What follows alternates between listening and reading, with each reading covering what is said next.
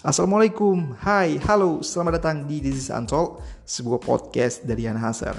Materi-materi yang ada di podcast ini merupakan materi-materi yang berkaitan dengan self-development, self-improvement, how to build business from scratch, self-awareness, dan juga pesan-pesan kegagalan yang dirangkai menjadi kalimat-kalimat motivational yang berasal dari pengalaman Yen Hazer dan juga sejumlah teman-teman yang nanti juga akan kita angkat kisahnya di podcast ini.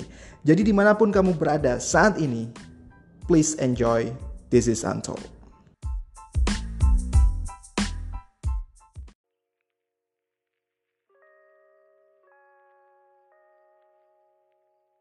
Ada banyak sekali peluang yang bisa kamu raih di era digital ini dengan memiliki website, baik itu untuk bisnis ataupun untuk menampilkan portofolio karyamu sehingga mudah diakses secara online. Namun tidak jarang kamu kebingungan mengenai hosting dan domain yang cocok untuk websitemu kan? Tenang saja, percayakan pada Niaga Hoster. Di Niaga Hoster, kamu dapat membeli hosting dan domain dengan harga yang sangat bersahabat, super cepat, memiliki keamanan ekstra, juga tim support yang selalu siaga. Selain itu, Niaga Hoster juga menawarkan banyak promo yang bisa kamu gunakan. Langsung saja klik link pembelian yang ada di deskripsi episode ini dan gunakan kode ANTOLD UNTOLD dan dapatkan diskon hingga 80% untuk website pertamamu. Niaga Hoster, bikin website sekarang, usaha berkembang, dan jadi pemenang.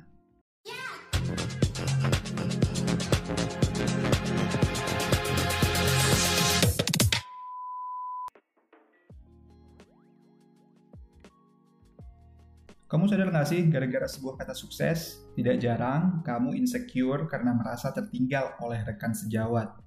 Coba deh jujur, apa perasaan kamu begitu tahu kalau teman sepermainanmu sekarang sudah punya gelar master dari kampus ternama di luar negeri misalnya? Atau bahkan sampai doktor? Atau dia yang dulunya lulus kuliah paling telat, eh sekarang udah punya bisnis di mana-mana, omsetnya miliaran lagi. Kamu biasa-biasa aja atau merasa tertinggal nih? Ayo, coba jujur.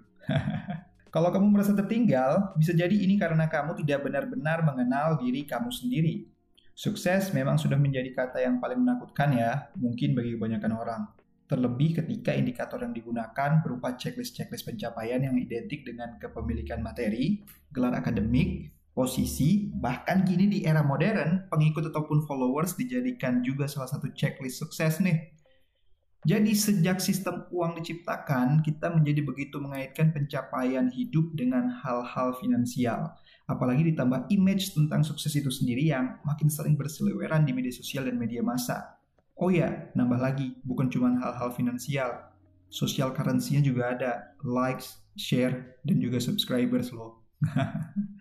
Tapi harus selalu demikian nggak sih? Padahal sukses itu juga memuat dimensi berupa feedback rasa bahagia, dan puas dari apa yang sudah kamu usahakan.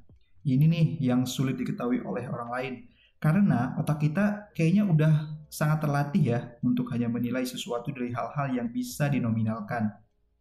Untuk kamu yang sering merasa tertinggal dari orang lain, mungkin kamu harus lebih mengerti yang namanya self-awareness. Self-awareness ini, pengertian simpelnya ialah persepsi tentang diri kamu berdasarkan pengalaman, pemikiran, dan kemampuan yang kamu miliki. Ini penting untuk bisa kamu tingkatkan.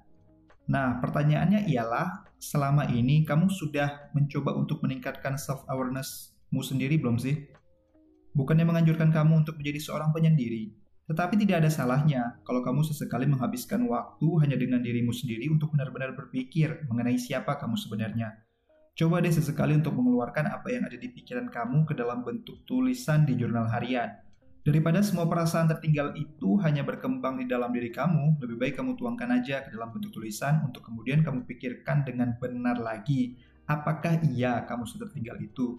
Atau justru memang kamu punya passion yang berbeda dari teman-temanmu, namun selama ini kamu lupa karena kamu terlalu sering mendengarkan noise dari lingkunganmu. Coba pahami lagi dirimu dengan baik. Tidak ada salahnya juga kamu meminta feedback dari orang lain, khususnya dari sosok yang memang sudah sangat lama mengenalmu dan pastikan saat kamu meminta feedback dari orang tersebut, jadilah sosok dengan gelas kosong untuk dapat menampung masukan ataupun juga kritik yang boleh jadi tidak siap kamu dengar. Selanjutnya, kamu harus bisa mengendalikan perasaan inferior.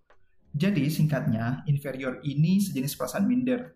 Ini muncul karena kamu terlalu peduli dengan berbagai hal yang berhasil diraih orang-orang di sekitarmu. Tidak usah terlalu peduli dengan pencapaian orang lain di sini, bukan berarti kamu harus merendahkan pencapaian orang itu juga. Jika ada pelajaran yang bisa diambil dari apa yang sudah diraihnya, peduli sih tidak ada salahnya ya. Apalagi jika memang kamu berniat untuk mencoba mengikuti apa yang sudah dia lakukan. Tapi pertanyaannya, siap nggak kamu melakukan effort sebagaimana yang sudah dia lakukan? Seringnya, kita merasa inferior karena terlalu peduli terhadap pencapaian orang lain, tapi kemudian tidak mau melakukan apa pun karena sudah merasa tidak mampu atau sudah jauh sekali tertinggal. Coba kalibrasi lagi fokusmu. Coba ingat lagi jalan yang sudah kamu tempuh dan ke mana tujuanmu ke depannya. Mungkin sebenarnya yang kamu inginkan memang sudah kamu dapatkan sesuai dengan effort yang kamu selama ini keluarkan. Dan perasaan inferior ini juga banyak bentuknya sih. Ada yang sebatas minder dan malas bergaul, ada juga yang tipenya menyindir dan nyinyir Misalnya ada teman kamu yang saat ini sukses dalam berkarir dan ternyata tidak terlalu berkeinginan untuk menikah cepat. Terus kamu nyinyirin dia, percuma tuh karir yang dipikirin, nikahnya belum. Mending slow-slow aja kerja, yang penting laku. Ini merupakan cara mengatasi rasa inferior yang sangat buruk ya. Kamu bisa saja menganggap ini adalah bentuk candaan, tapi kamu gagal paham bahwa setiap orang itu berbeda. Pilihan jalan dan rencana mereka juga tidak harus sama dengan kamu kan? Jadi, ini sebenarnya semakin menunjukkan bahwa kamu yang lebih inferior dalam konteks karir. Apakah setelah mengeluarkan kalimat tersebut kamu merasa lebih baik? Kalau kamu merasa lebih baik, ya mungkin memang benar kamu memiliki perasaan inferior. Dalam merespon ketertinggalan yang kamu rasakan, tidak perlu kamu mengeluarkan kritikan terhadap orang lain yang kamu anggap tidak sesuai dengan diri kamu. Selanjutnya, supaya kamu nggak insecure, kamu juga harus bisa membedakan pencapaian dan rasa puas yang kamu kira lebih sukses belum tentu lebih puas dalam hidupnya kok. Mudah untuk berasumsi bahwa temanmu yang dianggap sukses tadi bahagia dalam hidupnya. Tapi kenyataannya tidak selalu begitu. Setiap orang memiliki persoalan sendiri yang harus ditaklukkan dalam hidup. Dan permasalahan ini selalu muncul silih berganti seiring waktu. Ada yang mampu mengatasi dan ada yang tidak. Coba baca-baca lagi bagaimana kasus korupsi yang menimpa para menteri dan pejabat negara. Kalau dipikir-pikir aneh kan, kenapa orang yang sudah sesukses itu dalam jalur karir juga masih mengembat duit negara? Tidak ada yang tahu ternyata ada ketidakpuasan di dalam hidupnya sehingga tergoda dengan hal-hal materi tersebut. Jadi sekali lagi, jangan lupa tiap kamu sudah membandingkan diri kamu dengan orang lain, maka nggak ada salahnya kamu bertanya, kenapa emang kalau dia lebih sukses?